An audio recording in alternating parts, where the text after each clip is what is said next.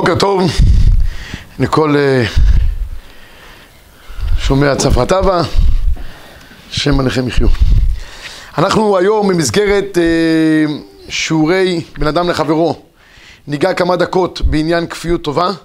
שבוע שעבר עסקנו בעניין הכרת הטוב, הפעם נעסוק בעניין של כפיות טובה, ההפך מהכרת הטוב, ולאחר מכן אנחנו נתחיל היום הלכות חנוכה.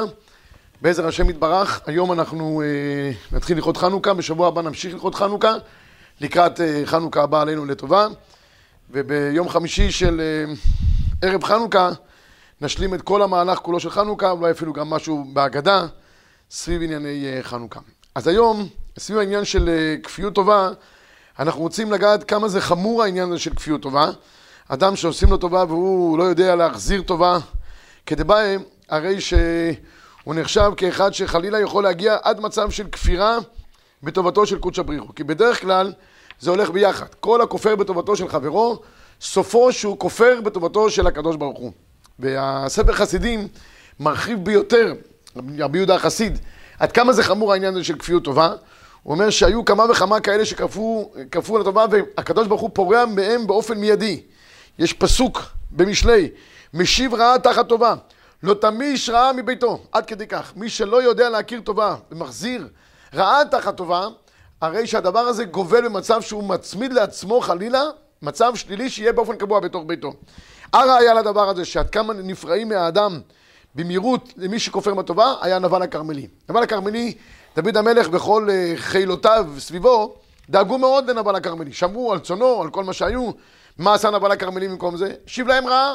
ביקשו ממנו קצת אה, מזון כדי להחיות את חילותיו של דוד, הוא אמר להם, כל, כל נער מתפרץ, פתאום נהיה פה איזה מלך וכולי, ואז תוך עשרה ימים, לא יותר מזה, כבר היה מצב שבו נבל הכרמלי חטף את, אה, את, אה, את עונשו, והדבר הזה היה, עשרה ימים האלה, אני רק חייב להגיד מילה אחת, כתוב ויהי לעשרת הימים, הקדוש ברוך הוא נגף בנבל הכרמלי.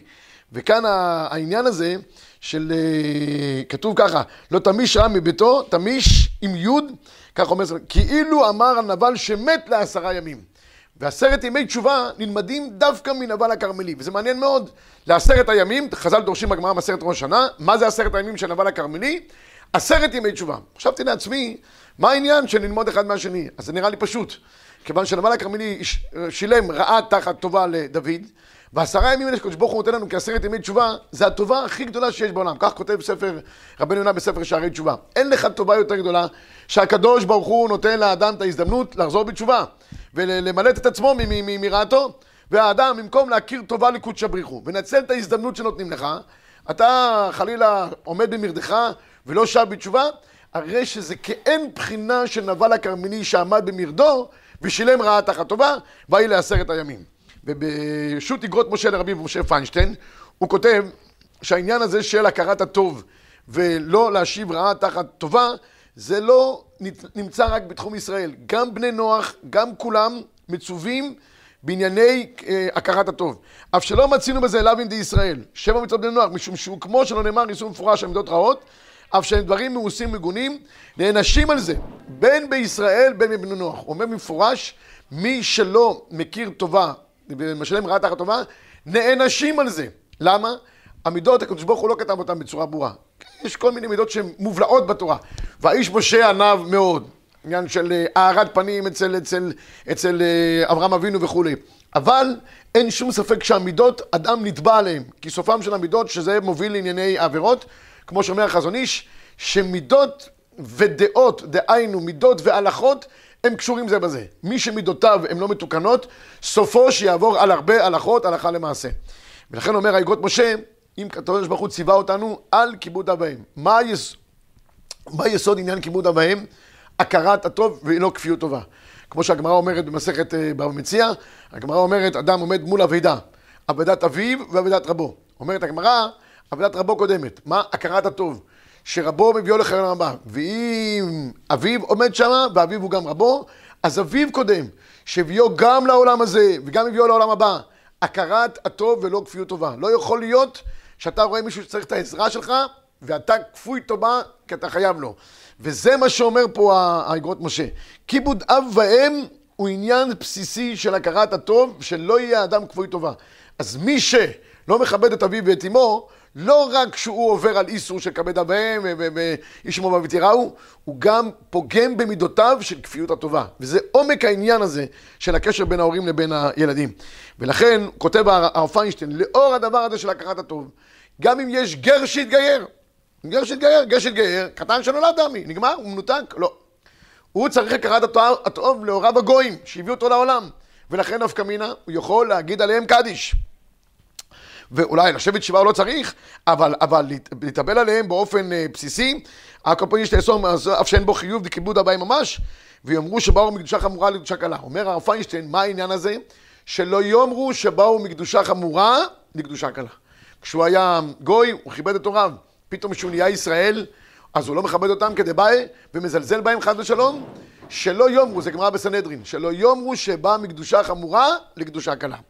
ולכן העניין הזה הוא עניין חשוב ביותר, שאדם ידע להחזיר טובה לאנשים. גדולי ישראל, ככה אנחנו ראינו, מי שעשה להם פעם אחת, טובה אחת, הם לא ירפו מלתת לו כל הזמן שפע וברכה וטובה על מה שהוא אה, נקלע. אנחנו אה, ניגע בעוד נקודה מעניינת ששאלו את הרב זילברשטיין, והשאלות שהגיעו לרב זילברשטיין זה השאלות המעניינות ביותר שיש. אה, לא יודע איך הוא זכה, אבל הדברים הכי מרתקים בעולם, חלק אני מאמין גם קצת, אה, קצת מנופחים, חלק קצת מומצאים, אבל חלק באמת הגיעו, ומה שהגיע, די במה שהגיע, שזה ייחשב כבר כדבר אה, נפלא ביותר. אמרתי פעם שאלות שהן מעניינות, לפעמים יוצרים אותן, אז מספרים שהרב שפדרון, שידע לספר סיפורים בצורה נפלאה ביותר, הוא היה מרתק מאוד בשאלות שלו, בסיפורים שלו, אז הוא מספר שפעם הוא הלך לרב, לרב קנייבסקי, זכר צדיק לברכה, הסטייפלר, שאל אותו שאלה, האם הוא יכול להמציא סיפור כדי לעורר את הציבור ליראת שמיים ולקדושה, ככה זה מרומם אותם. אמר לו הסטייפלר, אם זה באמת עושה כזה, כזה, כזה, כזה, כזה אפקט, אתה יכול, אתה יכול להמציא את הסיפור? אומר, וזה הסיפור הראשון שאני מספר לכם.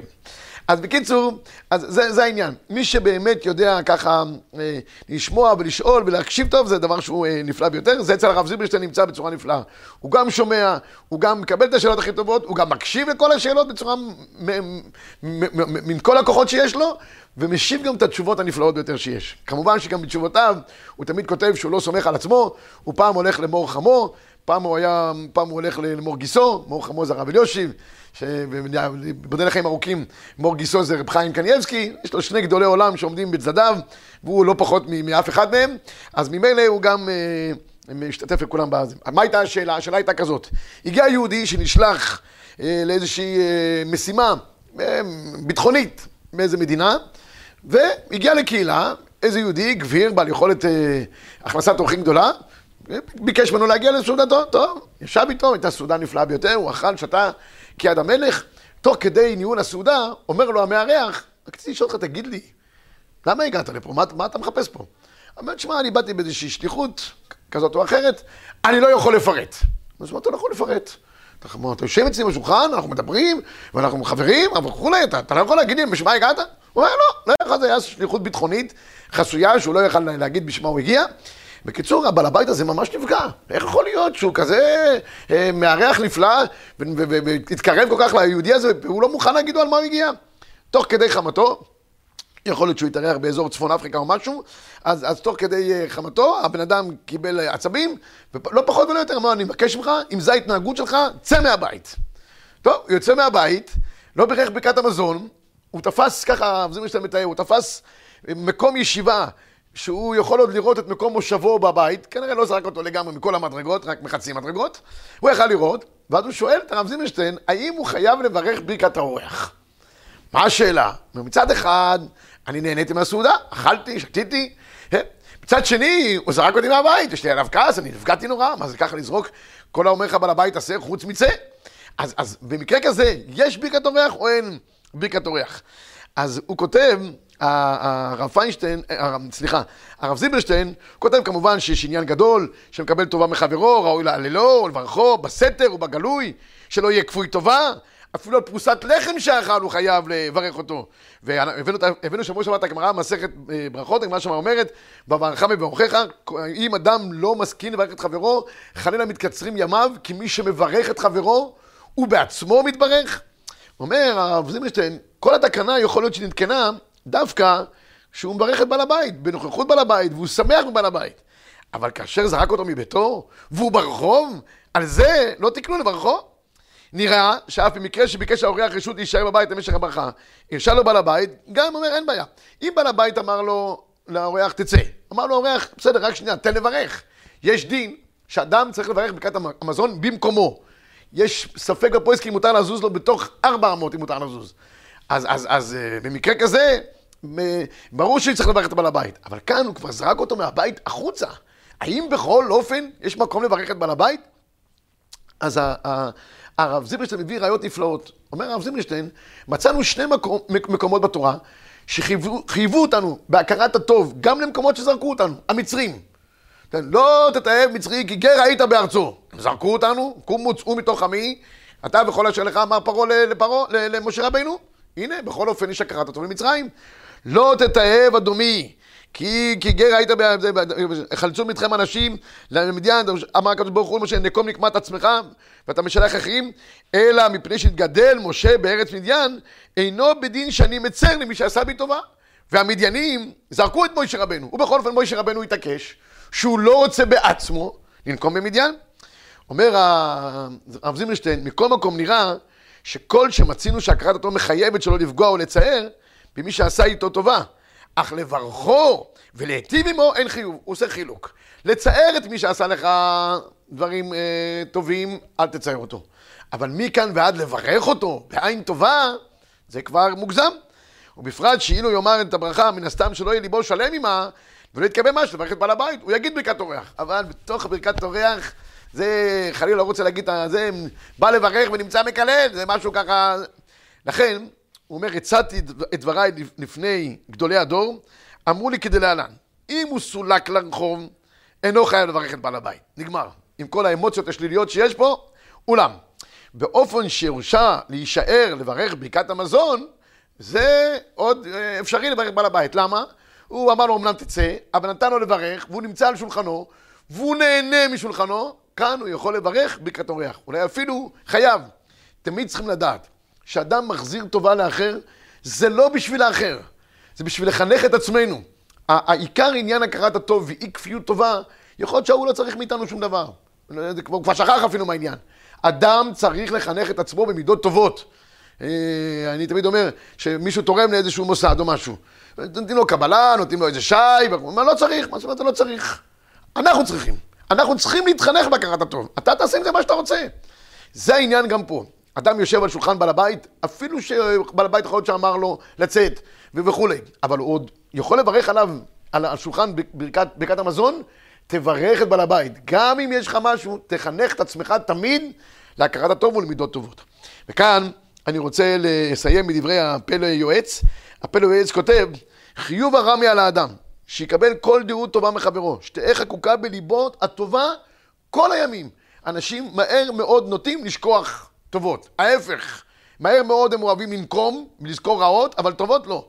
מספרים על איזה יהודי שהיה טורח כל היום בשביל, בשביל אה, העיר שלו, רב קהילה, אחד בשבילם כל היום, ובסוף היום היה מגיע הביתה לסיכום היום ואומר לאשתו, אה, היום באמת לא עשיתי הרבה. קצת עזרתי לפלויני, ממש לאט, לעוד, מעט לעוד אחד, שום דבר. אשתו אומרת לו, מה זאת אומרת? כל היום התרוצצת וטרחת בשבילם בלי סוף. ואתה אומר ככה, בצורה מועטת, אומרת, תשמעי טוב, דרכם של הבריות להחזיר רעה תחת טובה. אם אני אגיד שעשיתי להם טובות גדולות, הם יחזירו לי רעות גדולות. אני אומר שעשיתי להם דברים קטנים, הם יחזירו לי גם רעות קטנות. זה בדיוק העניין. דרכם של האנשים לשכוח טובות ולזכור רעות. צריך להפוך בדיוק את העניין. תשכח כמה שיותר את הרעות שעשו לך, כמה שיותר מהר, תתנתק, תשתחרר מהם, ואת הטובות, אומר הפה ליועץ, תגדיל, תזכור, תחוקק בתוך לבך את אותם דברים טובים שעשו בשבילך. ולכן אומר הפה ליועץ, אדם צריך להיות מדעת קונו. מה כתוב אצל הקדוש ברוך הוא? גם אלה תשכחנה, ואנוכי לא אשכחך. מה זה גם אלה תשכחנה? אומר הקדוש ברוך הוא, מה שעשיתם לי בחטא העגל, גם אלה תשכחנה. אני שוכח את זה מהר מאוד. אבל הדברים שקיבלתם תורה ואמרתם נעשה ונשמע, וזה דברים נפלאים שעשיתם, אל אלה לא תשכחנה. כמו שהקדוש ברוך הוא יודע לשכוח לכלל ישראל את החטאים הגדולים שעשינו במדבר, ולזכור את המעמדים הגדולים שעשינו, כך גם האדם צריך להיות מדעת קונו, להשתחרר מהר מאוד, לא יקפיד, ימחול, יעביר על מידותיו, וישכח את הדברים השליליים, ויזכור תמיד את הדברים החיוביים שעושים לו. ואם כל כך חייב להחזיק טובה לחברו על פת לחם, על אחת כמה וכמה אומר הפה ליועץ, אם קיבלנו טובה הרבה, ועל אחת כמה וכמה טובה כפולה ומכופלת, אם קיבלנו טובת נפש, גון שלימדו חוכמה, או הדריכו בדרך טובה, הפרישו מדרך רעה, זו טובה גדולה שאין למעלה ממנה. לפעמים הדברים שאדם מקבל לחברו, לימד אותו אומנות, לימד אותו חוכמה, עשה אותו בן אדם, כמו שאומרים. פשש, יקנה לו חיי עולם, בין בעולם הזה, בין בעולם הבא. אדם צריך להכיר על זה טובה בלתי, בלתי נשכחת. ואם לא ינהג כבוד כראוי, אין לך כפוי גדולה, טובה גדולה מזה. ויישא ביום ההוא קל וחומר בעצמו, כמה וכמה חייב האדם לבוראו, המרבה להיטיב עמו רוב טוב לבית ישראל. עד אין חקר. כך גדל חובותינו עד חובותינו עד אין חקר, להכיר טובה לאחרים. זה דבר שהוא בסיסי ביותר. ולכן אני תמיד אומר, מי שהוא אה, אה, לא, לא מכיר טובה לחברו, סופו שהוא גם לא מכיר טובה כלפי קודש הבריחו. הרב פלאצ'י, זכר צדיק לברכה, מגאוני חכמי טורקיה, מביא שאלה מאוד מעניינת. שאלו אותו, שהיה שותף גוי ויהודי בטורקיה שמה, והשותף הגוי היה נאמן על ישראל מאוד. עבד איתו בנאמנות, בשותפות אמיתית. חלה, שאל היהודי את הרב פלאצ'י, האם הוא צריך בכל אופן להתפלל על הגוי שיתרפא. כותב לרב פלאצ'י כך, אני קורא את. כל שכן בנידון דינן, עשה לו טובות אותו גוי. לא להיות כפוי טובה. בוודאי שמותר לו, ואף יש עניין של חובה, להתפלל עליו. וכן עשה מעשה בגוי אחד שחלה ונטה למות, שלח הגוי לבקש מהרב שיתפלל עליו, וכך עשה. וחלם הגוי שתפילת הרב עשתה פירות, והיה קידוש השם גדול על ידי כך, גם בנידון דינן. רוצה גר להתפלל על אביו הגוי שהתרפא מחוליו, רשאי לעשות כן. שותף על שותפו, אפילו הגוי. עשה לך טובה הגוי? אם אנחנו שומרים טובה לחפצים, לדברים דוממים, כמו שהיה במצרים, לא כל שכן האנשים, אפילו שזה גוי. הבן אדם עשה טובה, תלמד להכיר טובה באשר הוא. אני אומר, זה כפול. גם כי הוא באמת מגיע לו טובה, וגם אנחנו נתחנך תמיד להגיד תודה ולהכיר טובה. ומכאן אה, כותב היערות דבש, שאנשים שהם כפויי טובה, לא היה בליבם לעשות דבר רע, הוא אשר נתן לו בגד, איך יגמול למולו לעמוד פיו ולעשות דבר שהוא לא, לא כדבעי. הוא ממשיך פה את כל העניין, הוא, כמו שבוע שעבר הזכרנו גם את יוסף, יוסף הוא הדמות הטובה ביותר, כמה הוא שילם טובה תחת רעה. זה הפוך בדיוק, לא רק להחזיר טובה למי שעשה לך טובה. אדם עשה לך רע, להתגבר על המידות ולשלם טובה תחת רעה, טובה תחת רעה. וכותב היערות דבש, ובאמת, מיד זו להיות כפוי טובה מסתעפת גם משורש גאווה. הוא אומר, אדם שהוא כפוי טובה הוא בעל גייבה. למה? כי להגיד תודה זה משמעות כפולה. אחד, זה הכרת הטוב. שניים, זה גם הודעה. אני לא יכול לעשות הכל. אני תלוי גם בדעת אחרים שיעזרו לי. ומי שיודע להכיר טובה, הוא גם מודה על חסרונו. מי שלא יודע להכיר טובה, אומר היו"ר דבש, הוא בעל גייבה. יש לו גסות רוח. כי מי שליבו רם בדעתו גבוהה, בוש מי לומר שיקבל טובה מחזרו, מחברו. ובלבד, בליבו אומר, אין לי צורך לשום אדם. חוכמתי וכוחי ועוצם ידי עשו לי את החיל הזה. ולכן הוא כפוי טובה.